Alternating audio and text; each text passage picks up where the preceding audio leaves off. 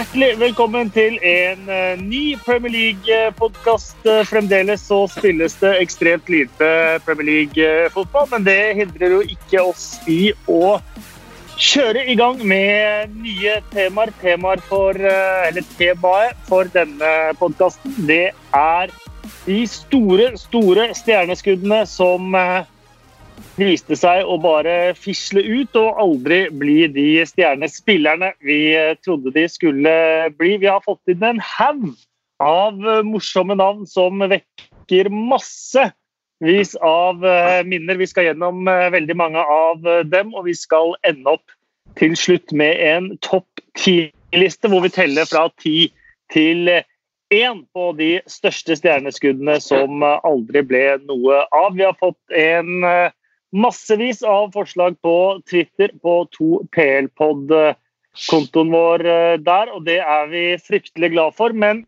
før vi eh, kommer i gang med det, så skal jeg eh, for en sjelden gang igjen tigge litt på vegne av andre.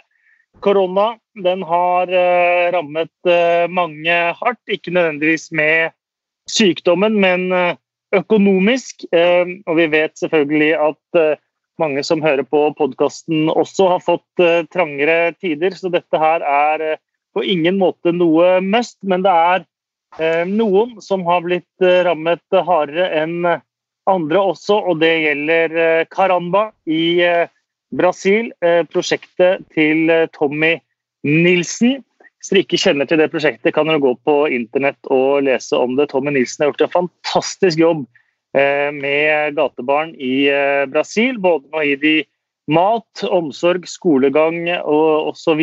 i forbindelse også med eh, fotballen. De sliter veldig der nede. De har avlyst alle aktiviteter fra og med 15.3, men de prøver å få levert matkasser til barna og familiene i favelaen.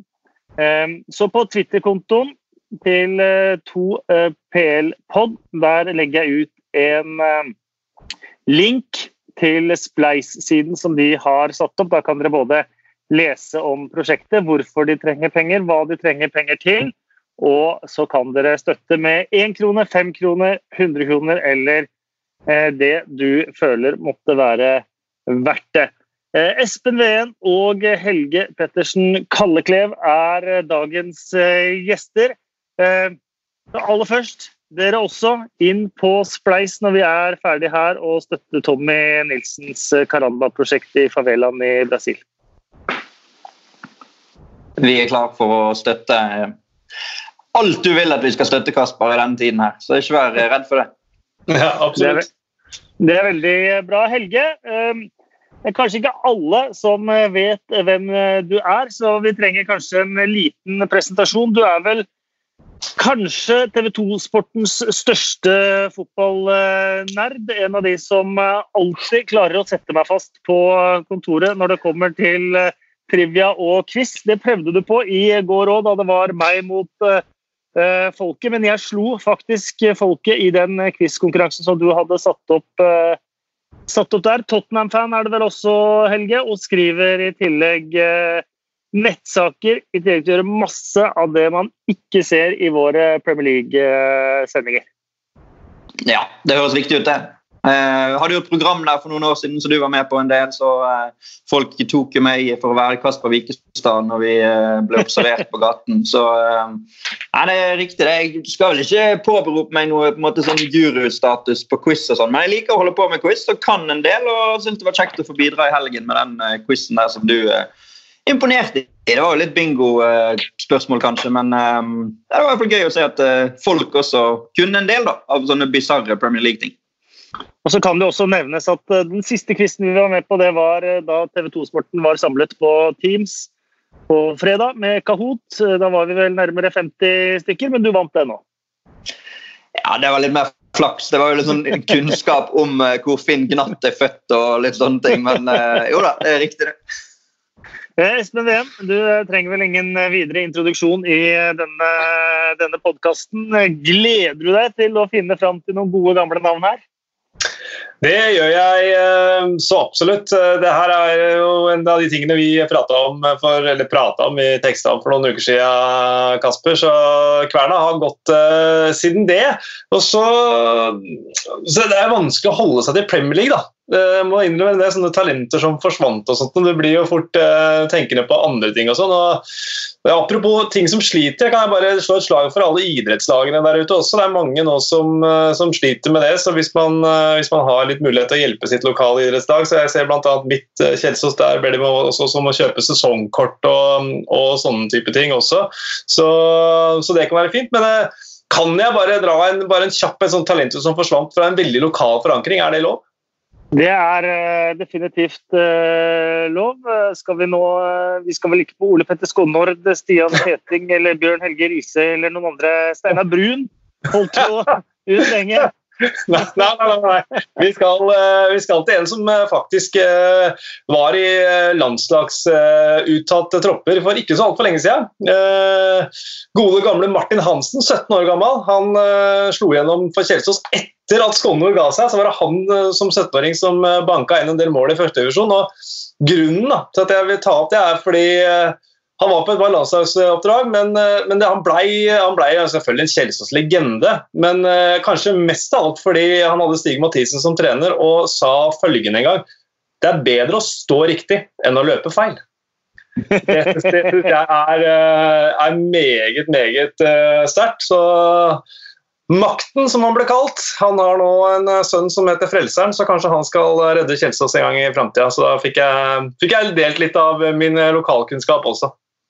Det er eh, bra, Espen, men vi skal holde oss Premier League-realitet når vi skal innom eh, supertalentet. Det er jo så eh, morsomt, og det virker nesten alltid som har du vært et supertalent som 17-åring, så får du alltid én kontrakt til for det er alltid en eller annen klubb eller en eller annen manager som tenker at jeg er mannen som skal få ut dette supertalentet, koste hva det koste vil. Og det går stort sett eh, gærent, det òg. Ofte er ikke talentet så stort som man skal ha det til eh, heller. Ofte er det få som har sett dem live, eh, eller i hele kamper. Ofte er det hyping fra folk som har interesse av det rundt disse spillerne. Og noen ganger så er talentet så stort, men så er det uflaks, skader eller andre ting som gjør at de ikke slår til. Så nå gleder jeg meg til å komme i eh, gang med det. Men først må vi litt innom det som har skjedd i eh, Premier League de siste dagene. Premier League er nå eh, for første gang utsatt på ubestemt tid. Ja, det var vel bare et tidsspørsmål, det. Altså, det å operere med datoer sånn som verden ser ut nå, er jo eh, kunstig. ikke det? Altså, det er på en måte en eh, visshet om at ingenting fungerer noen steder, og så skal de drive og sette tentative datoer i april og mai. I mitt hode har i hvert fall det virket urealistisk lenge. da. Og Så får vi se hvordan de velger å gjøre ting, og hvor de eventuelt skal flytte det til. Det var jo noen rykter om å spille det i Kina, av alle steder, så jeg. Så um, jeg føler at det er vel den første sånn uh, ordentlig seriøse beslutningen som er tatt sånn i et tidsperspektiv, syns jeg i hvert fall. da. Dette må vi utsette på ubestemt tid. Det jeg så gjerne skulle hatt, er uh, datoer fremover for uh, progresjon, hvis du skjønner. At Hvis vi ikke er i gang innen den datoen, så skjer det. Hvis vi ikke er i gang avsluttet innen den datoen, så skjer det. Så at man hadde noe mer konkret å forholde seg til. Ikke det at man skal starte opp 30. mai, eller at man skal ha avslutta det innen 1. juli eller 1. august, eller, eller hva som er, men at man, at man hadde på en måte et, et um, kart fremover. da, Eh, som fortalte oss, eh, fortalte oss de ulike scenarioene eh, med, med, tidsperspektiv. Det tror jeg hadde vært oppklarende, men jeg skjønner selvfølgelig at det er ekstremt vanskelig. Problemet da er vel at man eh, lover noe. sant? Altså Med en gang du sier at hvis ikke de er ferdige innen juni, så skjer det. For det, det er jo lite sannsynlig, det også nå. Da, da har du på en måte allerede egentlig bestemt deg for at sesongen annulleres. da, Hvis det f.eks. er det man velger som som avgjørelse innen den og den datoen. Og jeg vil jo tro at de vil gjøre alt i verden for å prøve å få fullført. Og at heller ja. det er neste sesong som blir skadelidende. Da. Og da kan man ikke sette frister på hva som skal skje innen den, den datoen. Ja, for det er det som er det største problemet til eh, Premier League, eh, sammenlignet med klubbene under Premier League. Klubben under Premier League har en forholdsvis stor del av sine inntekter på kampdagsinntekter. Jeg leste vel at snittprosenten eh, for Premier League-klubber på kampdagsinntekter er 13% De er veldig lite avhengig av uh, kampdagsinntekter. De er veldig avhengig av uh, TV-inntekter og de inntektene de får som følge av eksponering i uh, verdens største, største liga. og Det gjør at for Premier League så er det ekstremt viktig å spille ferdig, koste hva det koste vil. Og uansett om det er tilskuere eller ikke. Ja, for ikke, hva, var det, hva var den summen som eh, Premier League-klubbene måtte tilbakebetale til eh, eller Premier League måtte tilbakebetale til rettighetshaverne? Var det 10 milliarder pund eller 10 milliarder kroner? 10 eh, milliarder kroner man snakker om, ja. Ja, det, det er rush, det. Men jeg tror også Kanskje det altså, man er vanskelig å komme med noe svar, selvfølgelig, men er at når man heller lar neste sesong bli skadelidende, tror jeg kanskje er det viktigste og riktigste. at man, Da vil jo f.eks. Uh, ligacupen, hvis det går an å sløyfe den på en eller annen måte, kanskje FA-cupen altså, Jeg vet ikke, det kommer til å bli dragkamp mellom FA og Premier League og alt dette her, og overalt i alle mulige ligaer og sånt noe.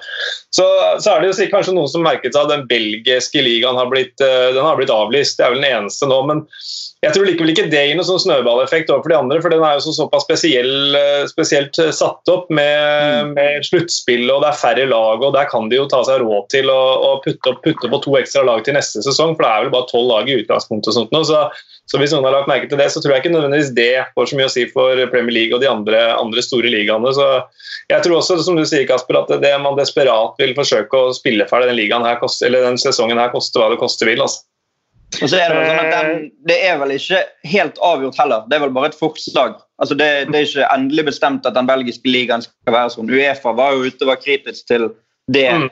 eh, forslaget, til og med der, som de har en eh, separert eh, serie. Eller, altså, det er jo den, kanskje den serien har vært minst problem å gjøre det i og med at de har den strukturen de har. Men når Uefa da går ut og er kritisk til det og truer med at de kan bli utestengt på europeiske turneringer hvis de velger å gjøre det, så skal det vel kanskje mye til at de gjør tilsvarende i eh, andre ligaer. Mm. FA eh, var du inne på, de sliter jo ekstremt. De går glipp av inntekter fra privatlandskamper før EM. De går eh, glipp av inntekter fra sju EM-kamper. Liga-cupfinale er spilt, men FA-cupfinale, FA-cup-semifinaler, playoff-finaler for hele ligasystemet på, på Wembley. Så ikke vær overrasket om Alfa Jed igjen nå prøver å legge inn et eh, skambud på, på Wembley. Det kan, eh, det kan, faktisk eh, være en konsekvens av de økonomiske problemene FA har nå. Det som det har blitt snakket veldig mye om, er lønnskuttet til spillerne. Forhandlingene mellom Premier League og PFA, altså spillerforeningen. Noe av Problemet her er at spillerne vet ikke hva kuttene skal gå til. Er det for å, det for å begrense tapene til klubbeiere, som stort sett er god for enormt mye penger? Jeg tok en titt på det nå. Tolv av klubbeierne i Premier League er god for mer enn 2,5 milliard pund i, i formue. Eh, nederst på lista står jo Delia Smith i Norwich, selvfølgelig. Hun er god for 23 millioner pund. Eh, som blir lite i, eh, i, denne, i denne, sammenhengen. Eh, er klubber som har gjort kjempeprofitt avhengig av spillerlønningskutt, er jo et annet spørsmål. Liverpool likevel med overskudd på, netto overskudd på 49 millioner pund forrige sesong. Hva med klubbeierne? Hva skal de bidra med? Kanskje et underspilt poeng er jo tapet til staten Eh, hvis spillerne går på, eh, på, på, lønnskutt. Det er ganske enorme skatteinntekter eh, spillerne bidrar med. Da. For å ta et eh, eksempel som jeg så, Kevin De Brøne. Han betaler vel 5,5 eh, millioner pund i året i skatt.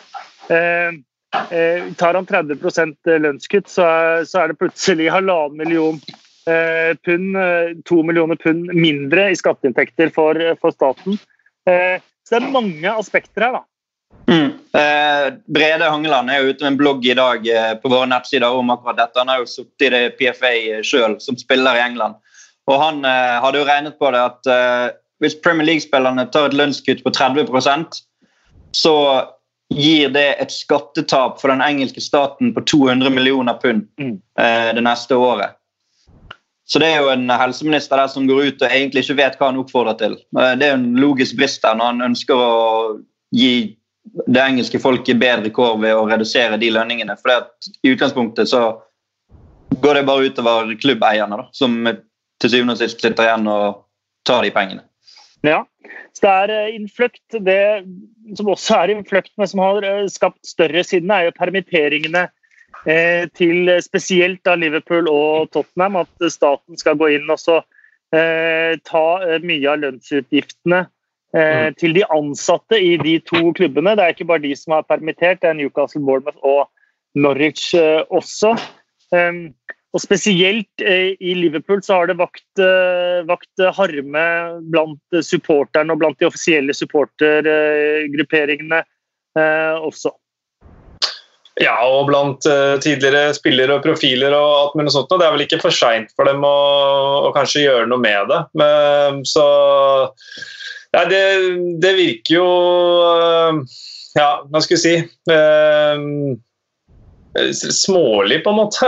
At, og, og, det går jo inn i, inn i alt det du også var innom, Kasper, med tapte skatteinntekter. og Hvis eh, spillerne da i tillegg til lønnskutt, så er det enda mer penger ut av staten, som vel fortsatt, eh, enn så lenge i hvert fall, er de som styrer NHS der borte, altså helsevesenet.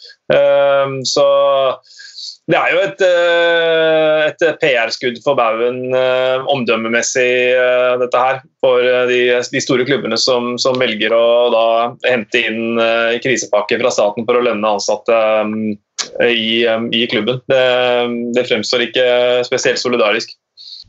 Nei, det, Men så er det jo også et PR-skudd for bein for, for, spillere også, dette her. Det virker jo som at det er spillere som, som i stor mm. grad får, får skylda Eh, hvis man snakker om eh, de rike i, i England mm. Eh, det er mye lettere å skyte på, på fotballspillet. Det virker som det, det er jo en del av litt den samfunnsstrukturen nå. At det er jo lettere å skyte på, på unge gutter som kommer fra, fra kanskje litt trangere kår, og som har blitt nyrike, la oss kalle det det, da, enn mm. å skyte på etablerte, rike mennesker som er gode for enda mer penger enn en disse gutta her. Olof Andersson hadde en uh, god tweet her, uh, vår fotograf i, i, England. Ja, Hvorfor ikke snakke om de riktig rike, hva de holder på med? Hva gjør Richard Branson og hans uh, like? Koronaviruset kommer snart til å være Stirlings feil. man skal tro den britiske kveldspressen satt på, på spissen. Det, det, er jo litt sånn det er. Det er jo veldig lett også skyte på, på dem. Samtidig så er jo også fotballspillere da finansiert av alle de som går på kamp, som tjener helt vanlige lønninger eh, pluss-minus. Eh, de som betaler TV-abonnement både i Norge, i England og, og, andre steder, og som tjener helt ordinært pluss-minus. Og det er jo vanskelig å se for eh, vanlige folk da, eh, at man skal finansiere så ekstreme lønninger, og det har det jo vært lenge. Mm. Og i hvert fall hvis de ikke er villige til å, til å bidra nå. Så det er, det er så utrolig mange forskjellige aspekter av dette her. Da. Men hva skal fotballen være når vi kommer tilbake? Eh, hvis f.eks. ikke spillerne vil vise solidaritet, hvilket jeg tror de vil, og hvilket man har sett at spillere både i enkeltinitiativ og i klubbinitiativ har bidratt eh, både eh, med å samle penger og med av sine egne penger til gode formål. Ja, det hadde jo, hadde jo, Wayne Rooney var jo ute med en spalte, nå husker jeg ikke hvilken avis han skriver for, men uh, som han sa var at uh, hvis uh, noen kommer til meg og ber meg om å donere penger til lokale sykehus eller NHS, eller noe, så gjør jeg veldig gjerne det. Men hvis jeg, hvis jeg skal ta 30% penge, altså paycut, da, hvor, hvor, hvor, går de pengene hen? Altså, hva, hva er greia der? Og Han var også inne på det at fotballspillere er enkle da blir det uh, syndebukker uh, i en sånn mm. greie. En, en, annet aspekt også, ja, hva gjør bare de rike? Men altså, uh, og det her er jo litt sånn samfunnsstruktur og sånn også, men hvis du tar de store multinasjonale selskapene, altså Facebook og sånt, de skatter jo ingenting. Eh, og de håver inn altså, Det gjelder ikke bare Storbritannia, men Norge også. De håver inn enorme penger på, på reklame, men skatter en slikk og ingenting. Det er veldig få som retter harmet sitt eh, mot, mot, den slags. Så, så, nå skal ikke jeg sitte og helliggjøre fotballspillere, og alt mulig sånt, men, eh, men litt, eh, litt, magemål på hvem som er egentlig eh, de store stygge ulvene her, det, det mener jeg vi trenger. altså.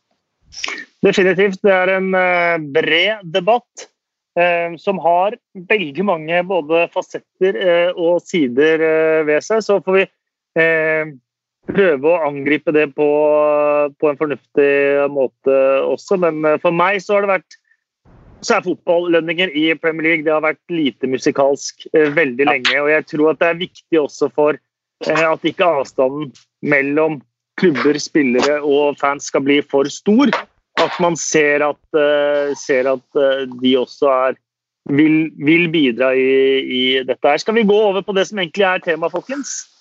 Ja. ja.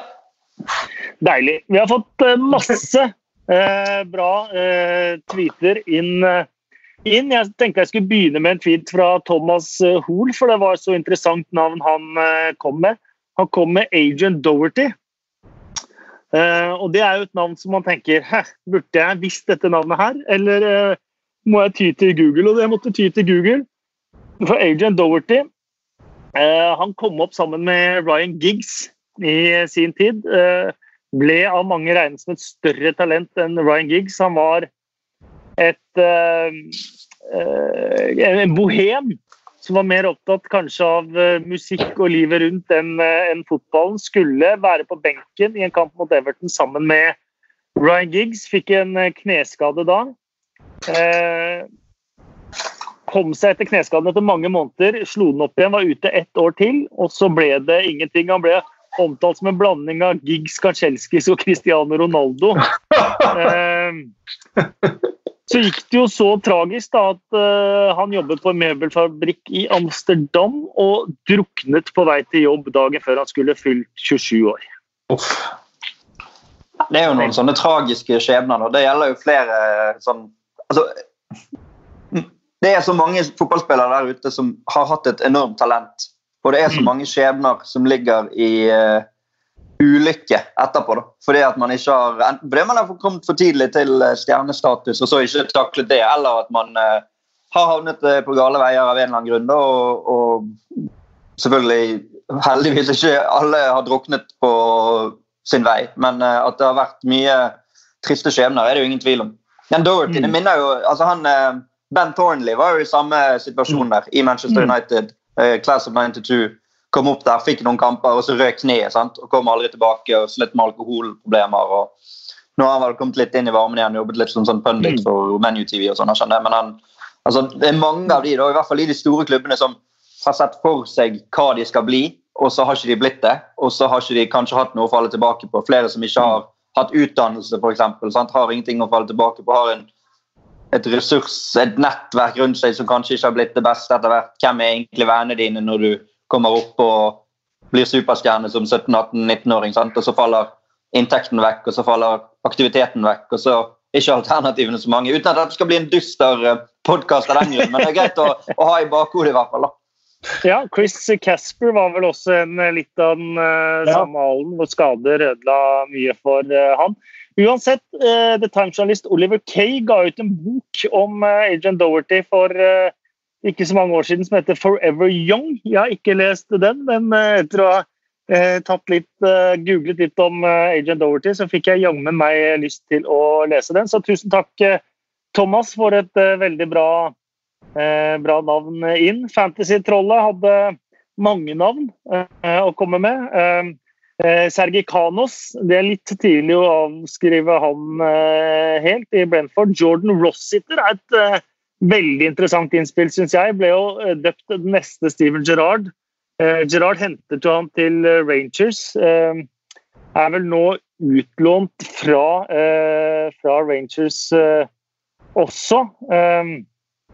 og ser vel ikke ut til å bli, bli den bli den han hadde tenkt å bli. Det har vel spilt for Fleetwood på utlån denne sesongen, Jordan Rossiter.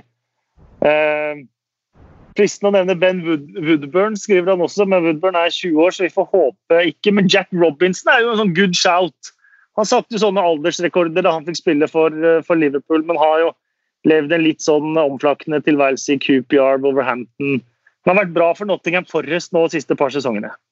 Liverpool-sporter som har tipset om disse navnene her, eh, regner med. Ja, Men, eh, det for det første, det å bli liksom den nye Gerard, da er du nesten dømt, altså. Du, altså det skal så mye til å leve opp til den eh, merkelappen at uh, det er nesten umulig. Uh, og Rossiter husker jeg òg. Altså, han skulle jo bli kjempegod. Og Mm. hadde jo tro på at han kunne få et oppsving i Rangers nå, men du sier han er utlånt til Fleetwood. Han er vel Joey Barton som manager. da. Kanskje han kan eh, røske litt tak i han og få han til å komme tilbake til et eh, talent og et nivå som er der. Men eh, du nevner jo Robinson. Det er jo litt vittig, for han eh, er vel sikkert lagkamerat nå med i hvert fall to av de som vi skal inn på når vi kommer til den endelige listen. Han ble jo hentet av Sheffield United nå i januarvinduet. Og Wilder er jo tydeligvis en sånn type som da, som du nevnte, kan ta noen som har et talent og få utnyttet det igjen. Så eh, kanskje han får en mulighet til på øverste nivå. Jack Robinson, det er ikke umulig. Sheffield United spiller nå. Men John Fleck var jo litt i den der alen eh, der, egentlig. Han var jo Mhm. regna som et sånn supertalent i, eh, i Coventry, egentlig. Endelig nå, da. Snart, eh, ja ikke snart 30, men begynner å pushe 30 i hvert fall, og endelig får sitt gjennombrudd. Hva skulle du si, Espen?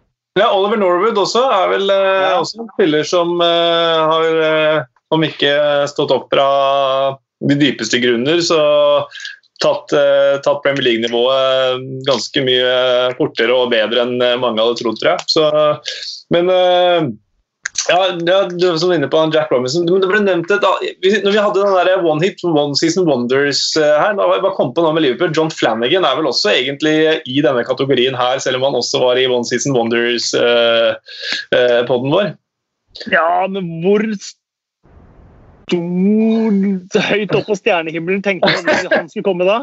Nei, ikke så høyt, men altså men, eh, Ja, men ja, ja. Han er Rangers og Gerard og ja. Ja. Trygve Skogstad eh, tvitrer Gabriel Aubertin, en eh, meget god kandidat. Men han ble jo hentet da Cristiano Ronaldo dro videre. Ble jo aldri noe særlig god eh, der. Newcastle, Arnchi, Wiggen, Levski Sofia og nå i, i eh, Tyrkia. Eh, men Sander Braut har jo et par navn som vi har vært innom her. Både David Bentley og Lucas Piasson. Ja, David Bentley altså Vi snakket jo litt eh, på forhånd altså før vi startet innspillingen på hvem skal vi egentlig ha mer. og da var han et navn som kom opp. Men jeg mener jo han er, var for god i Blackburn da, til å kunne være aktuell på en sånn uh, liste. Han, han var jo riktignok eh, den nye Beckham når han var i Arsenal. og Ble lånt til Norwich der. Ja, han var jo bra i Norwich òg. Det var vel når de var oppe, var ikke det da? Jo, han var ikke spesielt bra. 2004-2005 eller. Nei, men han, han var da i Han begynte bra, hadde en uh, scoring tidlig der mot uh, Newcastle og tenkte yes, endelig har vi fått nye Beckham. For Beckham ble jo, var jo innom Norwich han som 12-13-åring. Det er ikke så mange som vet. Eh, hentet av eh, speiderlegenden Kit eh, Carson. Men eh, eh, han takket nei da faktisk til, eh, til Norwich, for han var jo allerede i kontakt med, med større, større klubber. David Mm. Beckham, men han var så vidt innom. Ja, men da, altså Etter Bentley var i Norwich, så har han jo tre solide sesonger i Blackburn. Absolutt. Og fikk jo også landskamper for England. Ble hentet for 150 millioner kroner av Tottenham den sommeren der. og mener han er for god for dette. da. Skåret det målet mot Arsenal fra midten her for Tottenham, selv om han ikke var noe suksess der, så har han liksom skrevet seg inn i historiebøkene i Premier League. da. Helt enig. Eh, Lucas, Lucas Piazzone. Er han Chelsea-spiller ennå, eller? Ja, Det er jo ikke godt godt å si, men det tror jeg ikke han er nå, faktisk. Nei, for Han er jo sånn, eh, altså han er jo kanskje det verste eksempelet på den der Chelsea-utlånspolitikken. Eller beste eller verste, det hva du vil. Altså han, Det må jo være snart ti år siden Chelsea hentet han, vil jeg tro. Og når vi sitter her og er usikre på om han fremdeles er Chelsea-spiller, så sier det litt om eh, hvor mange utlån han har vært på. Han, han ble jo hentet som et stort talent. altså Jeg kan ikke si at jeg husker akkurat hvor han kom fra, eller hvordan eh, han kom seg inn i Chelsea-systemene, men det har liksom vært en, en spiller som man før hver sesong har sett på sånn liste. Spiller inn, spiller ut. Så har det stått Lucas Piasson lån. Også til en eller annen eh, klubb. Han fikk vel noen Premier League-kamper for Fulham, gjorde han det? Jo, For, han er, eh, faktisk, eh, han er vel faktisk Chelseas eiendom fortsatt. Han, Er jeg måtte gå inn og titte. Han har vært på lån siden 2013 i Malaga, Vitesse, Frankfurt, Redding, Fulham, Kievo og nå denne sesongen i Rio Ave. Ja. Ja, kanskje ikke det var Premier League for Fulham. Kanskje han ikke har spilt noe i Premier League. Men, eller kanskje han fikk Jo da, en kamp for i Premier League for Chelsea. jo da, han har spilt Premier League for Fulham. Ja, ok. Ja. Men apropos de der Chelsea Det, det var vel én sånn spiller nå- Gael Kakut, kan det stemme? Var ikke han Kakut- Kakuta, ja. Kakuta, ja. Første sånn der, han var liksom eh, eh, blueprinten på Chelsea-utlånsgreiene. Husker han dukka opp i Lazio eller noe på et eller annet tidspunkt. Og sånn, så han, han var han var i hvert fall alltid inn og ut. Så Han skal ikke inn på den lista her, men det er bare det er rart. Men han var jo også den som sørget for den første transferbanen til Chelsea, var det ikke det? da? Jo, jeg tror ikke han var det. Ja. Eh, vi har jo Stig Jarle, stigeren 7. Neil Meller er jo en eh, god shout her også. Ja, men han Der er det litt sånn igjen. Ok, Han ble aldri det Leopold-fansen hadde trodd. Han skårte ikke så mange mål, men han skårte mot Olympiakos i Champions League i denne kampen der de måtte snu Mhm. 0-1 til 3-1 for å gå videre når de vant Champions League. Og han skårte foran The Cop mot Arsenal. Dunket han inn fra lang tolv der. Og uansett om du da ender opp med tolv kamper totalt og ikke blir noe mer eh, etterpå, så mener jeg at du har oppfylt et visst potensial. da. Nei, men da tror man jo at det skal gå videre derfra. Og så, blir det, og så fisler det ut i, i Preston. Ja, men altså, han spilte jo ganske Han spilte jo en del sesonger i, i Preston. Altså, det er jo tross alt nivå to i England når du har seks-syv år bak deg. Altså, det er ikke sånn at du ikke blir husket i det hele tatt. Men jeg, jeg kunne vært med på en sånn topp 50, kanskje. Men på topp 10 Ja, ikke, i, eh, ikke topp eh, ti, det er jeg enig i. Um, men vi har jo da eh, Hadde ikke han skåret de to målene, da hadde han kunnet vært der. Altså, hadde ikke ja, men Det er jo det at han skårer de to målene som gjør han aktuell for en sånn liste, er det ikke det? Ja, ja, sånn, ja. ja. Det er alltid, litt tungt når det fisler ut i Preston. Det er ja. Men jeg kommer jo sikkert til å være uenig i andre her også, som jeg kanskje ville argumentert for at de er blitt for gode. da. Men uh, vi får nå se. Ja, Kjenner, ja, kjenner jeg deg rett, så, så, så, så tipper jeg det òg. Ja, det, ja. for Jeg, jeg prøvde jo desperat. altså Til slutt så ble det jo parodisk i vår chat eh, på å få inn Jack Wilshere på den lista. her. Jeg, hva med Jack Wilshere? Hva med Jack Wilshere?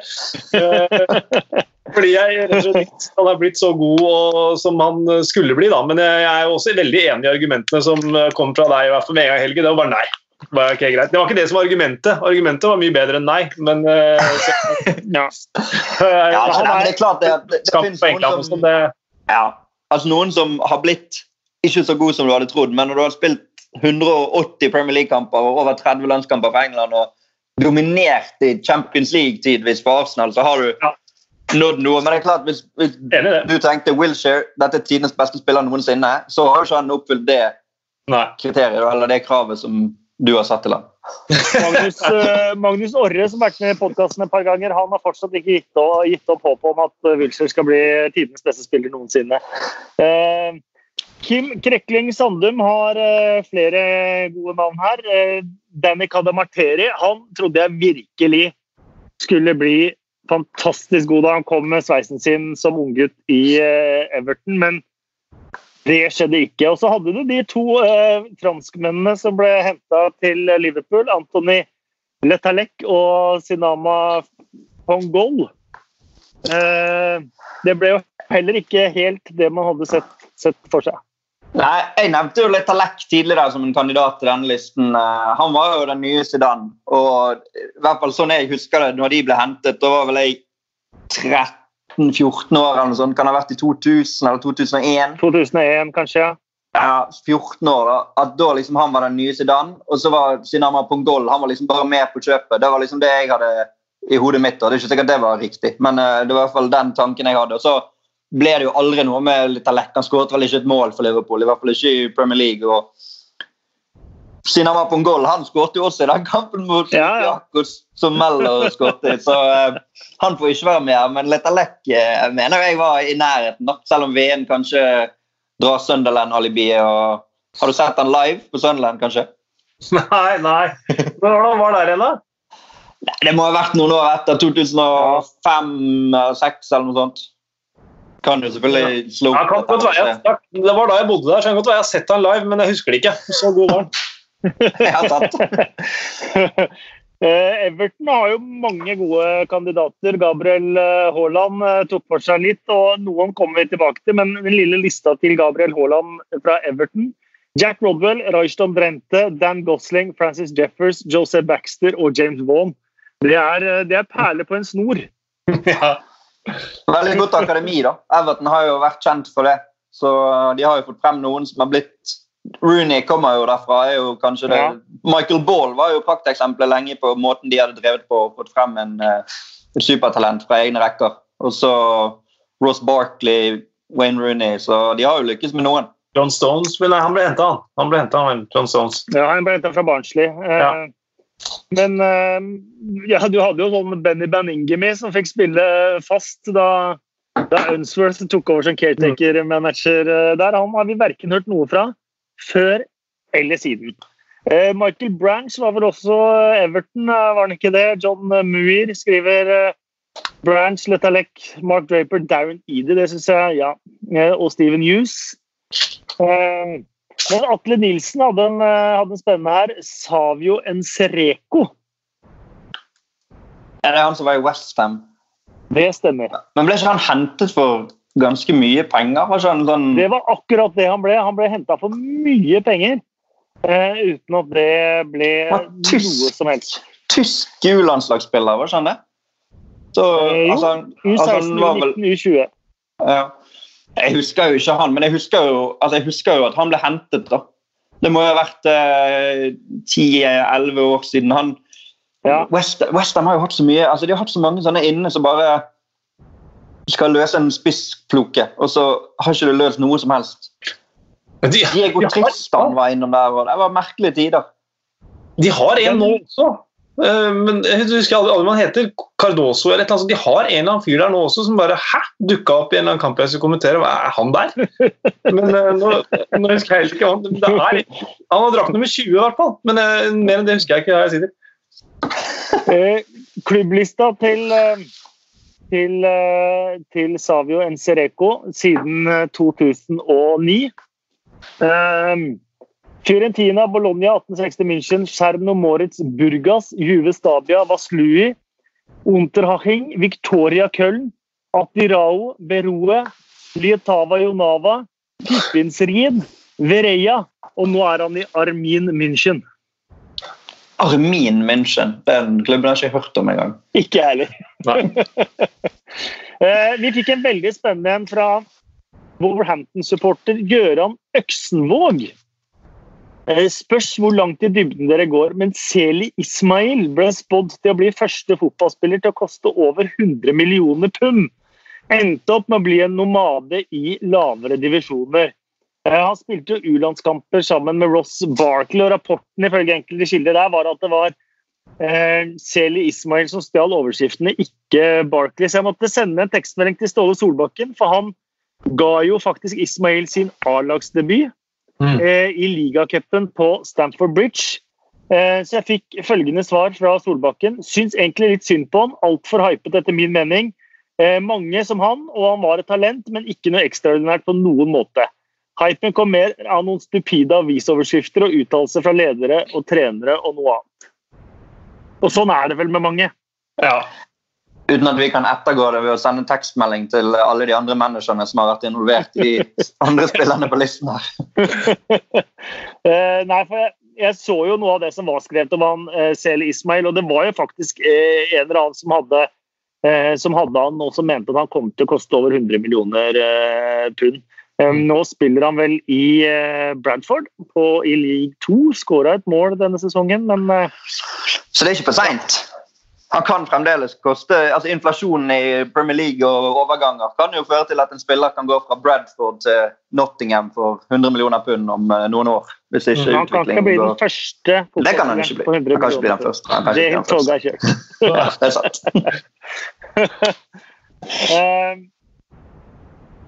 Eh, også en, en, en artig fyr her, Paul Brayson. Om noen har uh, hørt om han? Nei. Nei, en 90-tallsspiller skulle også ifølge Kevin Keegan bli noe av det største på fotballhimmelen. Var et enormt talent ifølge Keegan. Var lokal Newcastle-spiller. Forsvant ganske fort. Ble en av disse mange som disse ble journeymans. og Eh, la opp for en eh, ti år eh, siden. Men det betyr at vi begynner å nærme oss en topp ti-liste, hvis ikke dere har noen flere som dere mener burde nevnes her nå som ikke er nevnt. Men det kan hende de kommer på topp ti-lista, da. Skal vi begynne mm. på topp ti? Ja, Da må vi eventuelt ta noen flere navn etterpå, da. Hvis vi, jeg husker ikke helt hvem vi falt ned på som topp ti, men vi finner ut av det når vi går gjennom. Vi begynner da på tiendeplass eh, fra Everton, eh, som eh, flere andre på denne lista. Eh, José Baxter. Ja. Skal, altså, vi... vi kan ta det kjapt. Han ble Evertons yngste spiller i historien da han debuterte. Ble den nest yngste starteren i Premier League-æraen eh, som 16-åring. Eh, offensiv spiller Eh, liten, ganske tett, men eh, teknisk. Eh, hatt et par gode sesonger nedover i divisjonen i Oldham og Sheffield United. Men så har han også hatt et par narkotikavarianter. Testa vel positivt på ecstasy der, også på en, på en doptest. Og det har vært Det blei trøblete for, for Baxter. Ja, Han hører jo til den kategorien som jeg nevnte i sted, med skjebner som ikke blir som de skal, og et nettverk og en vennegjeng og litt den type ting. Men det som var ekstra spesielt med han, var at Everton tok han inn igjen i varmen etter den uh, utestengelsen. Han var jo utestengt for doping, da. Uh, og ble gitt en ny mulighet i, i, i, Everton, som ga han et års kontrakt rett og slett bare for å komme seg på beina igjen. og Det var vel egentlig nesten aldri aktuelt at han skulle spille for A-laget. Han spilte vel for uh, det som de kaller for U23 i England, som ikke i praksis er U23, for det er vel et juniorlag. Eh, men eh, enkelte overårige kan spille og var med der da, og fikk på en måte muligheten til å få livet litt på rett kjøl igjen i trygge omgivelser. og Det er jo en veldig fin gest av Everton å gjøre da, mot en spiller som har vært et stort talent for dem. Men jeg husker jo han da han var, da han var ung og skulle og kom opp der. Det var jo i, i kjølvannet av Rooney. Da. Det var jo noen år etter sant, at han på en måte kunne være det neste produktet som kom ut fra det, det der. Vet ikke, jeg vet ikke hvordan han har gjort det etter han ble frigitt Everton igjen. Han gikk vel tilbake inn til Oldham. Uh, men akkurat hva han gjør, har gjort etterpå, det vet jeg ikke. men han... Det vet jeg. Han spiller ja. i uh, amerikansk nest øverste nivå. Uh, han fikk akkurat debutert i starten av mars. før det nå er korona som, som, har tatt over styringa der også. Men 7. mars så spilte han Eh, spilte han på nest øverste nivå i eh, USA. Hvilken klubb er det da? Eh, hva var det jeg skrev? Var det ikke Memphis eller noe? Walking in Memphis? Et eller annet sånt noe? Walking in Memphis, det er ikke noe klubb som heter det. Nei, nei, nei, jeg vet jo det. ja, ja, nei, men det, det, er bra, det, da. At han har kommet seg Kanskje Memphis er gjerne ikke det beste sånn historisk sett for en mann som har slitt med narkotikaproblemer. Men eh, vi skal vel ikke gå for langt inn på det, kanskje, med dra paralleller til Elvis. Men du har helt rett. Memphis eh, 901 eh, i USA. I USL Championship. Ja, Det er ikke så langt under Memphis 901. Det er ikke så langt unna Walking og Memphis når det kommer til sangtitler. så det... det er faktisk ikke det. Du har helt rett. Eh, hvis jeg går til din mann, Espen. Eh, som selvfølgelig, eh, for oss som også har spilt eh, CM, var en god mann. Og som et godt navn å se igjen på mange måter òg. Seth Johnson ja. på niendeplass. Seth Johnson på niendeplass. Det er jo en sånn det er en sånn urban legende rundt den når han skrev under for Leeds i var det 2001. Som skal ha det til at han ja, Derby. Fra Derby, ja. Som skal til for at han satt på kontoret til Peter Ridsdale eller noe, og så hadde han 5000 i uh, uka i pund da, i Derby, og så fikk han uh, tilbud om 30. Og så ble det bare helt stille. Og så bare, ok, greit, 37. Uh, eh, men det var mer at de var sjokkert over at de skulle få tilbud om 30. Men det stemmer visstnok ikke. da. Jeg så et intervju med Seth Johnson fra i fjor høst, altså 2019. Han var ikke til stede engang, men han fikk uansett voldsomt betalt. og det her var jo Og han fikk jo nesten egenhendig skylda for at Leeds gikk ad undas økonomisk og, og rykka ned etter hvert også. Ja, ja, ja, for han kom jo samme høsten som Robbie Fowler, og det her var jo sesongen etter at de var i semifinalen i Champions League. Så det var jo Yes. sesongen når de hadde Viduka og Kuhl og Keane og Rio Ferdinand og Woodgate. og det var ellevilt eh, fotballag. Så kom Cess Seth Johnson inn, som hadde vært veldig god for Derby. Eh, Sju millioner pund eller et eller annet sånt nå, og spilte vel en del kamper. Fikk skylda for det aller, aller eh, meste. Eh, men han er jo, eh, i hvert fall hva jeg kan se, fremstår som en sånn veldig fin fyr. Altså, utrolig dårlig gjort at han får skylda for det. Han blei vel ikke altså, han skulle ha crew at han skulle ha blitt solgt til Derby før han gikk til Leeds. Og Da nekta han å gå. Han insisterte på å bli i crew for å sørge for at de skulle holde plassen, og så gikk han til Derby. Eh, det er altså typen som får skylda for at eh, Lars Vaular kunne lage sang om Leeds eh, noen år seinere, liksom. Så det er dårlig gjort. Men han blei vel ikke så god som de trodde i Leeds, iallfall. Det, det tror jeg vi kan slå fast. Nei, og Det kan man liksom på en måte ikke klandre så hardt for heller. Har man fått tilbud om eh, en lønn, så sier man jo ikke nei, jeg tror ikke jeg er så god. jeg skal være halvparten. Og så, Hvis han har gjort sitt beste òg, så kan han liksom ikke klandres for at han ikke var bedre enn det han var eh, heller. Men eh, han trodde vel. Ja. Åttendeplass. Det er jo en type 2B, som han sier. Nile Ranger. Ja, da er vi over på eh, miljøet. Jeg tror ikke han nødvendigvis eh, går på eh, søndagsskolen eh, med vennene sine i helgene. Altså, han Du kommenterte vel han sikkert litt i begynnelsen i Newcastle i vår første Premier League-periode, vil jeg tro. Og du kunne vel kanskje allerede se da at det var en attitude der som tilsa at dette kanskje ikke var en mann som bare kom til å gjøre det riktige Det verste er at han var en, han var en, bra, han var en bra spiller. Uh, og Det var jo morsomt å se igjen nå på uh, Premier League-kanalen den 4-4-kampen mot, uh, mot Arsenal. For da ble jo han satt innpå for å, for å pushe for, for skåringer og den, den utligninga. Men han, det begynte jo allerede egentlig før han signertes for Southampton som 15-åring. Da hadde han jo allerede sin første dom. Eh, og elleve uker på ungdomsanstalt der. Så Southampton var kanskje ikke så interessert i å ha han med videre. Og signert av Dennis Wise til Newcastle. Eh, tok vel ikke lange tiden da før han ble arrestert for overfall i Newcastle eh, sentrum. Frifunnet for det. Fyllekjøring et par måneder seinere.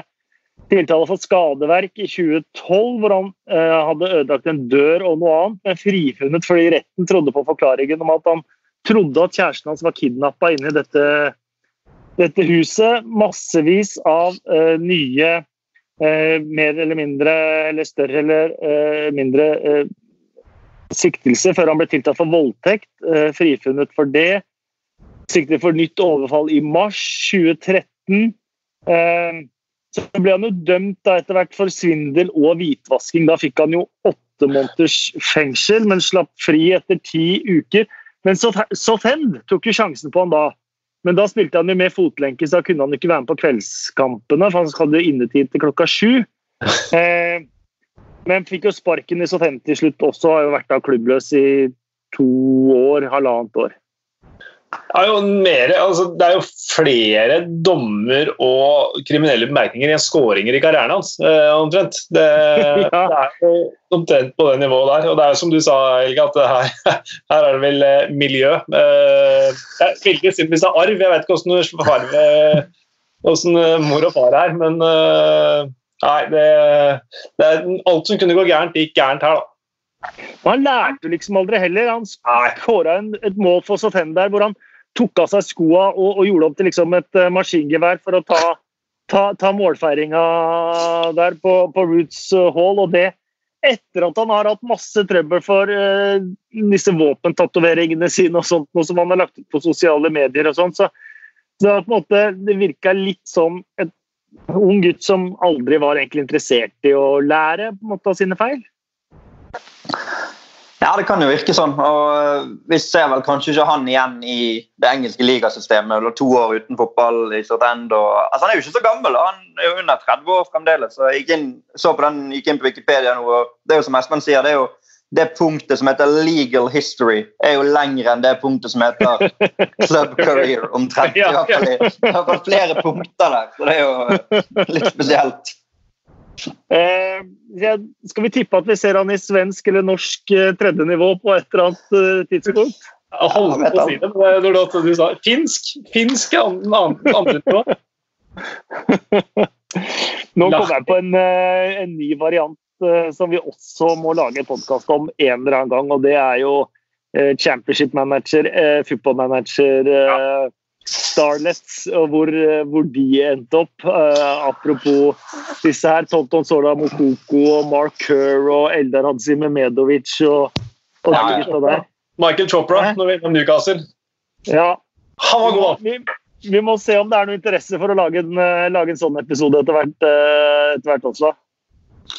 Absolutt, jeg er klar for det. Cherno Samba han er jo sikkert mange som kunne foreslått en liste sånn som denne her, men eh, vi har vel på en måte tenkt at du må ha vært litt Premier League. Ja. Han var jo i Millwall og aldri aktuell noe, Eller aktuell var han jo for Premier League-klubber, men han ble jo aldri noe Premier League-klubbs eiendom. i hvert fall. Da. Han var vel i Tønsberg òg, han.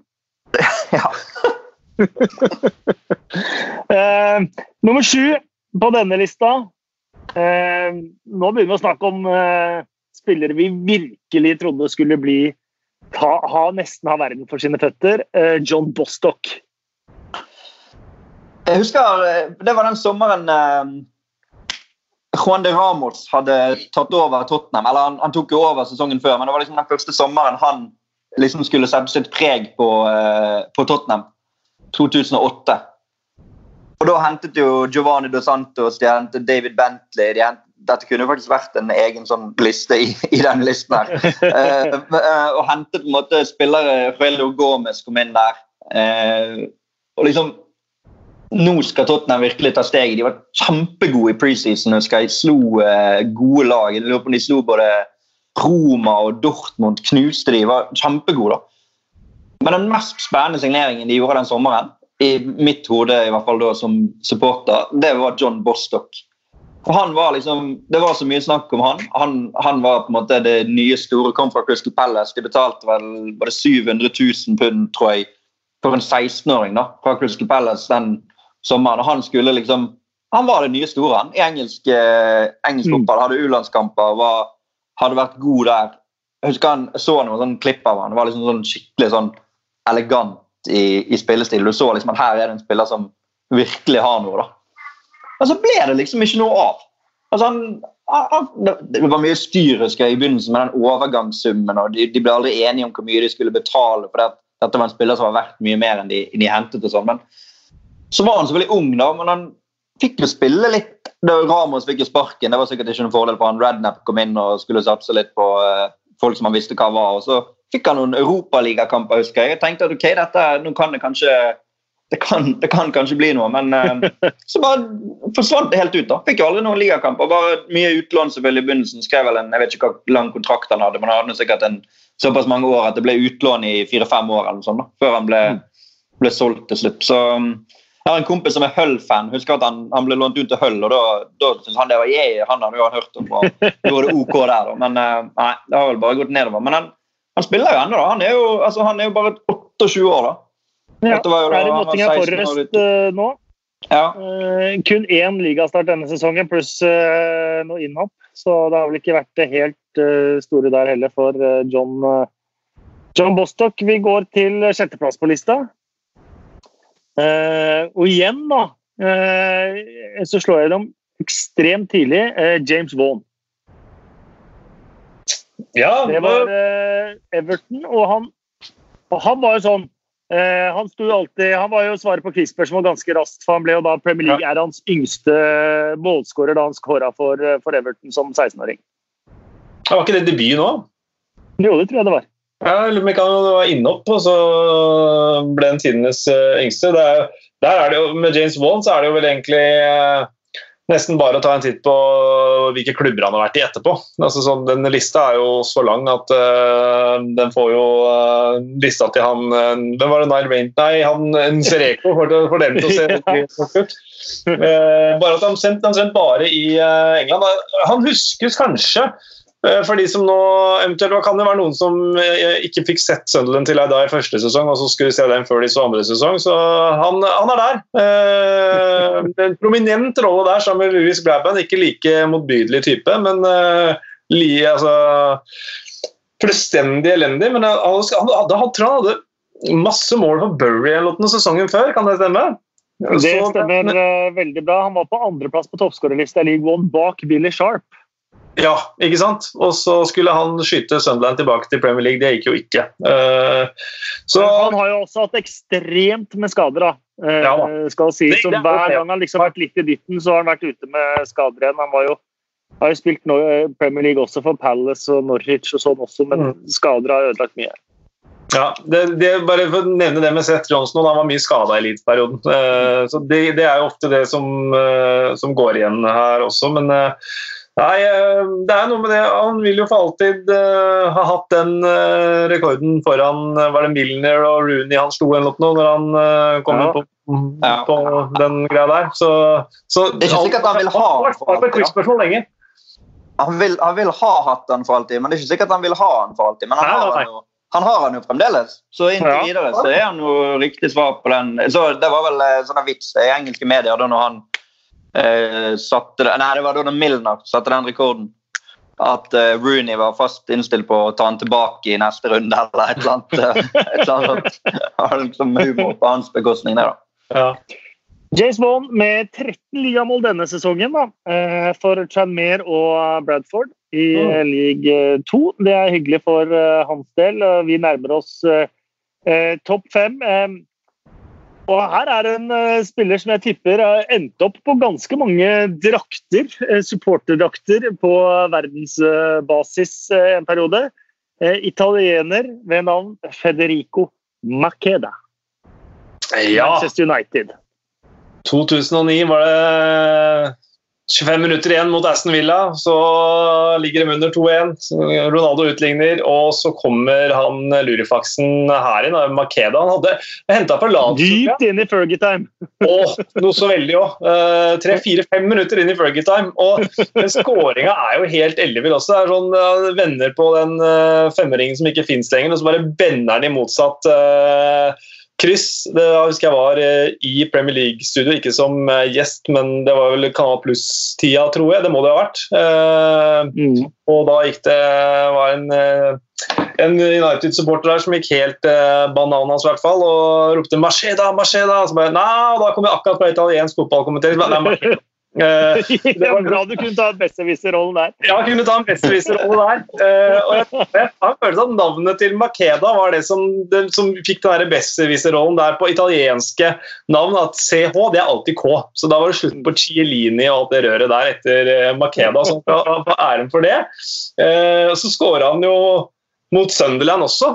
var det da ble det, ja, men da ble den mer truffet, egentlig. Uh, ellers var det en styring, ja, alt ettersom. Uh, men det eh, du snakka om å fiste ut i Preston i stad, Kasper. Han har eh, fista ut rundt omkring i hele Europa etter hvert. Eh, Men det før det så hadde jo Solskjær lånt opp til Cardiff.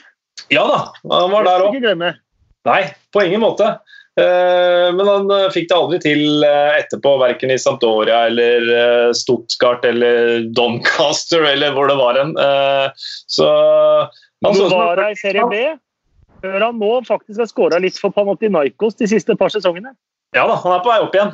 Så hvem vet? Kanskje han får sin renessanse og havner i uh, ja, skal vi si, Catania eller noe på vei opp igjen. og Du vet aldri. Jeg har sett uh, italienske italienere komme seint på banen i Di Natale og Quadiarella sånn, så det er ikke, ikke helt over for Makeda, men han ble ikke den worldbeateren han så ut som i et par uker der i, i 2009. Men gjorde ikke det. Eh, da går vi på fjerdeplass på, eh, på lista. En som var Det laget han var mest selvskreven på, var den perioden hvor det var så populært å skrive sånn England, Her er Englands landslag om fem år, her er Englands landslag om ti år. Her er de som kommer til å bli eh, de som blir husket når England vinner sitt neste mesterskap og sånt noe. Og det var Manchester Citys Michael Johnson. Eh, kom opp eh, gjennom eh, akademiet til Manchester City. Så klubber som Liverpool og sånt nå var vel på knallharde bud for et Manchester City som ikke da var så rike som de er i dag, men som da var i ferd med å bli tatt over først av han thailandske Taksin Shinawatra. Taksin Shinawatra. Og så Abu Dhabi. Så de beholdt han. Men skader og ja, personlig rett og slett velvære, mental helse, det gjorde at han la opp som bare 24-åring. og Det er fryktelig trist skjebne. og veldig uforskyldt også, i motsetning til kanskje et par andre her. Mm. Føles liksom ikke så lenge siden ut. Tenker at det er ikke Nei. så lenge siden han, men så, når du ser de han spilte med, så var jo det liksom Dietmar Hamann som spilte mye på det City-laget, og Benjani og Elano og Darius Vassell. Så det var jo Men det, men det er jo det er tolv år siden nå, da, den 2008-sommeren som de mm. kom inn der. Men um, jeg husker jo han. han var, det var han og Michael Richards som var liksom fremtiden i, i det City-laget. Og Richard gjorde det decent. Altså, han fikk jo noen skader etter hvert, ødela, men han var i hvert fall ligamester og fikk noen landskamper. og litt sånn. Men Michael mm. Johnson var jo det Han var det store, han. Men det er som du sa, noen skjebner som eh, er tristere enn andre, dessverre. Og uh, han, Jeg husker det var noen bilder av ham for et par år siden i engelske medier der han gikk ut i gaten, og det så, det så ikke bra ut, rett og slett. Nei, men så blir det jo sånn at um, krigsoverskriftene og, og, og, reaksjonene blir så, blir så, store. og Det er jo det er ikke uvanlig å, å, legge på seg litt. Men når man ser fotballspillere som man husker så sånn ut, når man mm. plutselig ser de med en del kilo uh, ekstra sånt, så blir man så, så sjokkert at man kanskje overdriver litt reaksjonen også. Ja da, det er nok et poeng, det. Det er ingen tvil om det. Så, og det er jo klart, det er jo ikke det er ikke som når du ser bildene av Gassa. på en måte. Altså, det, han har jo ikke vært der, sant? men uh, det var noe med en, en, en, Siden han var så ung sist vi så han, på en måte, da. det er vel mm. det som gjør at det føles så ja. ekstra galt. Da. da er vi oppe på pallen, folkens. Uh, og da er vi oppe med en fyr som jeg uh, nesten tenkte var definisjonen på det vi skulle holde på med, holde på med her. Da, da, vi begynte. Men han ender bare på en tredjeplass på Eh, på denne lista. Eh, Francis Jeffers. Eh, så ut som en nesten en worldbeater da han slo gjennom veldig veldig ung i Everton. Fikk jo A-landslagsdebut for England. Kom innpå til andre omgang mot Australia sammen med Wayne Rooney. De fikk sin landslagsdebut sammen der. Francis Jeffers var den som scora av de to. Men i kolonnen der for alltid så står det én landskamp, ett mål. for Han fikk ikke flere, men ble kjøpt av Arsenal for masse penger. Og han også står vel med en rekord, for han er vel mestskårende på det engelske U21-landslaget. Sammen med Alan Shearer, hvis ikke den rekorden ble slått av Nathan Redman. Det lurer jeg jammen meg på den ble. Eh, men han har i hvert fall hatt den rekorden sammen med Alan Shearer som mestskårende for det engelske U21-landslaget.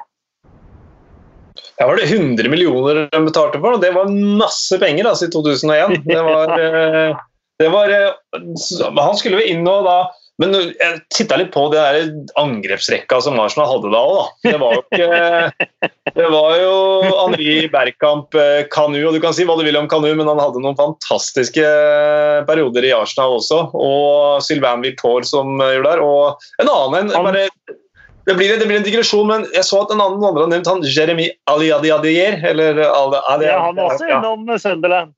Ja, ja, ja, og Middlesbrough og alt mulig sånt. Så han, ja, var han innom Sunderland? Aliadier? Nei, kanskje han ikke var det. kanskje ja, han var Middlesbrough. Ja, han var der ganske lenge, men uh, Nei uh, Det fra nordøst, vet du. Ja, ja, ja. ja, ja. Det, ja det, nei, nei, det går ikke. Det er røde begge to. Eh, ja, eh, og da er jo sånn Apropos digresjoner, så er det jo en mann vi har glemt å nevne. Det var jo keeper som skulle bli Englands neste nummer én, Richard Wright. Mm. Han ble også henta av Arsenal for, for mye penger. Det, det blei vel med det også. Jeg har vel endt opp som fjerdekeeper i, i Manchester City der. Ja, så, ja, hvem har ikke det? Ja, ja, Scott Carson, du har vel tatt den rollen nå. Det, ja. det er vel Rob Green da, neste inn der. Ja, Nei, ja, Jeffers ja. Jeffers får den. Ja, han gjør det. Ja, det er jo litt sånn, altså han som du sa, Det var umulig da. Det var umulig å komme med på det Arsenal-laget. Han fikk ikke så mange muligheter, og så ble han skadet. Han skåret jo fire mål den sesongen de vant ligaen. Mm. Spilte bare fire kamper fra start. det er jo sånn decent sånn per minutt-ratio i Arsenal. Så det er sikkert ikke så verst, uten at jeg skal argumentere han ut av listen eh, av den grunn. Men eh, når du på en måte kommer inn der som unggutt og din første sesong skårer Han skåret vel han skåret bare to første sesongen og to i den neste, var det han gjorde. Men fire mål på totalt fire starter for Arsenal i, i Premier League-historien. Men, uh, Men, selvfølgelig, jeg, jeg, kan være med på at uh, han skal få være med på listen. Takk. Nestemann han er uh, ditt argument uh, ene og alene. Han kommer så langt opp på, som andreplass, Helge. For den aller første CM-versjonen jeg spilte, 95, var vel da jeg var i Forsvaret, så var vel han også verdens beste spiller, tror jeg. Mm. Eh, men det ble han jo aldri. Herr Ni Lampy. Ja, og det er det er et navn jeg husker fra barndommen. for det, når jeg første gang fikk en sånn klistremerkebok, Merlins uh, Premier League klistremerkebok, sånn uh, stickers, eh, ikke kort, men klistremerker det var Cantona, Alan Smith, Andrew Cole og Alan Shearer på forsiden. Det var liksom første jeg begynte å samle på. Og Da fikk jeg ni Lempty fra Aston Villa ganske tidlig. Altså ni med to i-er. N-I-I. Og liksom som syv-åtteåring da tenker jeg det var et rart navn. og han, Da biter det seg liksom merke. da. Så Historien hans kjente jeg jo ikke til noen ting om, men nå i, i senere år så man, han er ofte en som blir nevnt i sånne The Wonder Kids that never uh, became anything. Og han har jo, Det er jo kanskje den tristeste historien av alle, da, og jeg skal ikke gjengi hele den. Uh, jeg kan anbefale et intervju som uh, The Guardian gjorde med han, Observer. De var og besøkte han i Ghana, der han gikk gjennom hele karrieren sin fortalte om alt fra å bli eh, brent med sigaretter av en alkoholisert far til å bli slått av mor. og altså Forferdelig skjebne, da. Eh, men var så fantastisk god å spille fotball. Kåret til den beste spilleren i U17-VM i 1991. Foran type Del Piero, Veron, folk som ble world beaters. For Ghana, Ghana vant turneringen. Pelé uttalte He is my natural successor. Altså, Pelé sa det sjøl. Det var ikke sånn at andre sa at dette er den nye Pelé, men Pelé var ute liksom, Han hadde sett han i et U16-mesterskap før også, og så han her. Og han Det ghanesiske forbundet tok fra han passet, for de ville ikke at han skulle komme seg ut av landet. Så han endte opp med å rømme i en taxi til Nigeria og passerte tre forskjellige sånne grenseoverganger ulovlig. For der visste han at det var en det var en kaptein på det nigerianske landslaget, Steven Keshi, som han stolte han på da han spilte i Belgia. Og han fikk skaffet han et falskt nigeriansk pass, sånn at han kunne komme seg til Belgia og få trene med Anderlecht og få kontrakt med de, og var liksom bare enorm. Og de, Ifølge noen artikler der som jeg leste, så endret de reglene i Belgia sånn at han skulle få lov å debutere som 16-åring på laget i Anderlecht. Og var liksom helt han var, det, han var det nesten store. da. Han var liksom den som skulle ta over hele fotballverdenen. Og så ble det jo allerede store. Han gjorde det ok der, men det var agenter som lurte han, og han visste ikke hvor mye han tjente. og Han endte opp med å havne rundt hele verden. og Premier League-alibiet her er jo at han ble hentet til Aston Villa som 19-åring uh, av Ron Atkinson. Uh, og fikk aldri noe til der heller. Skåret noen mål i ligacupen. Endte opp med seks kamper totalt. Uh, Atkinson fikk fyken. Atkinson gikk da til Coventry, hentet med seg Neil Empty igjen til Coventry, fikk seks nye kamper der. Og siden så har han ikke vært eh, på toppnivå. da. Han er også en sånn som har vært i ettertid i Italia, Argentina, Tyrkia, Portugal. Grøyta 40 andre nivå i Tyskland, Kina, Emiratene. Tilbake i Ghana, Sør-Afrika. altså og nye tragiske ting. Altså Diego Maradona, Han oppkalte sønnen sin etter Diego Maradona da han spilte i Argentina. Og han døde som liten, og han mistet et barn til da han spilte i Tyskland. Altså, det er så mye tragisk i den eh, skjebnen til Neil Empty. Uh, men uh, jeg føler han må med på en sånn liste i og med at han skulle bli så god, og i og med at han var i Premier League uh, i såpass ung alder.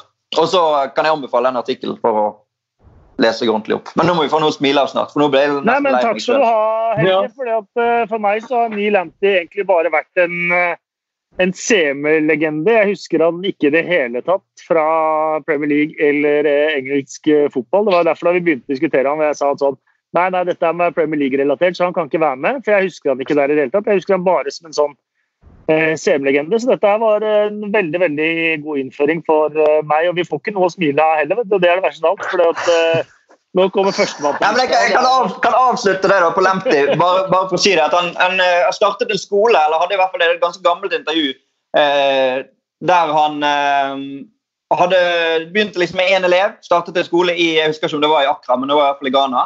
Og Han og konen jobber der. Og så nå hadde de da eh, kommet seg opp til 400 elever. Så de hadde liksom driftet den skolen, og alle ja. klasserommene var oppkalt etter forskjellige land der han hadde gjort ting i løpet av karrieren sin. og sånn. Så han, han var positiv igjen da, altså. Eh, så vi får ja. håpe at det har fortsatt å smile til han. Men eh, ja, beklager forstyrrelsen, men han, han måtte bare Nei, det var, Jeg syns det var en veldig Veldig fin historie å ha med, og det er veldig mange, som meg sikkert, som bare har hørt Neil Lamptey fordi at de har hørt, uh, spilt CM eller bare har hørt uh, navnet. Det er jo veldig fint å få en historie til det også.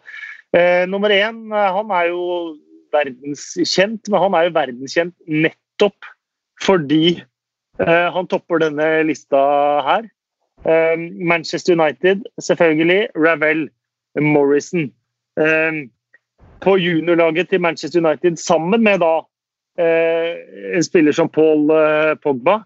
Eh, og for eh, dem som fulgte Manchester United og fram til FA, Cup, eh, FA Youth Cup-seieren i, i, 2011, så var det jo Ravel Morrison som var nummer én, rett og slett. Ja, Han er jo definisjonen på det du, det, det du begynte med egentlig før vi gikk i gang med lista. altså Spillere som eh, enhver manager tenker ja, men det er jeg det er jeg som skal klare å få noe ut av han her. Jeg gir han en mulighet. Jeg skal få det til. Uh, han er jo definisjonen uh, der. Uh, det klarte vel ikke å dominere i Østersund heller, tror jeg, men fikk allikevel Premier League-kontrakt. Det er godt gjort. Da har du et bra rykte. altså.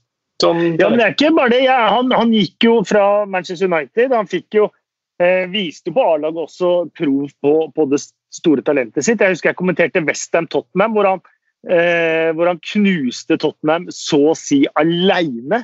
Mm. Eh, om resten av spillerne spilte på en femmer på børsen, så spilte han til tier omtrent. Mm. Eh, så toppnivået hans har han jo vist flere ganger, men også der er det jo veldig mye utenomsportslig hele veien. Dårlig miljø. Jeg hørte en podkast med Kevin Nolan hvor han Eh, fortalte om Ravel Morrison i Westham-tida, hvor han ikke møtte på trening, kom for seint på trening. Egentlig ga blaffen hele veien. og det, Vi kan sitte her selvfølgelig lett og si at å, han ga blaffen, men vi kjenner ikke andre menneskers eh, verken eh, mentale helse eller venner eller miljø eller hva slags press de er utsatt for i hverdagen. Da. Sånn så trodde jeg faktisk at Sheffield United under eh, Chris Wilder kunne være et veldig bra sted for han å være. Og det er, er, det jo sikkert. Det vet jo ikke. Han har vært der, han spilte et par ligacupkamper uten på noen måte å imponere der. Eh, så hva som skjer videre, det er jo vanskelig å, vanskelig å si, da. Men eh, som du sier, han er jo definitivt definisjonen på, på den der Det er alltid en ny kontrakt i, i vente, fordi man har sett hva han faktisk kan prestere på sitt beste. Ja, Han ble lånt ut til Middlesbrough i januar, så det ble to kamper der før uh, alt, ble, ja. alt stoppa. Så, så, det spørs vel om ikke Wilder også tenkte, brukte det halve året og så nei, det her gikk ikke. Uh, og sendte den videre. Det, det, det vet vi jo ikke. Men, uh, men som i Middlesbrough så er de jo glad i litt flamboyante karer, så, så kanskje, kan, kanskje, han kan tråkke opp skoene etter Mendieta og Ravanelli og Juninho også, så vi får se. Ja, det hadde vært, eh, det hadde vært gøy. Eller Ali Adier. ja, de skoene er ikke så store, faktisk. Nei, det er ikke det. det, er ikke det. Uh, fantastisk eh, morsomt å gå gjennom. Eh, ideen om CM-heltene, hvor de er i dag, det, den er sånn. Så får vi se om det, de får gjort det, om det er noe interesse for det. tusen takk til deg som hørte på husk det jeg sa, da. Om å gå inn på Twitter-kontoen vår, 2PLpod. Eh, trykk på Spleis-linken jeg skal legge ut der, og hjelp eh, Karamba og Tommy Nilsen. Hvis du føler selv at du har eh, råd til det. Det er full forståelse for alle de som føler det er litt ekstra trangt for tiden. Så ingen no obligation, som det heter på godt norsk, men i Brasil så sitter det massevis av mennesker som gjør veldig veldig mye bra, og som trenger all den støtte de kan få i denne tiden. Tusen takk, Espen, for at du var med. Tusen takk for at jeg fikk være med. Tusen takk, Helge, for at du var med. Tusen takk for at jeg fikk være med. Jeg at dette ble en samling av en veldig nerdete samling, men jeg håper at du som har hørt på, har satt uh, pris på det, og anbefaler podkasten til uh, alle venner, bekjente og familie om uh, de skulle trenge noen podkastanbefalinger. Ta vare på deg selv, ta vare på familien din og vennene dine. Husk å vaske hendene, og husk å holde avstand. Og så fins det sikkert en litt morsommere tid om ikke så altfor lenge. Takk for nå.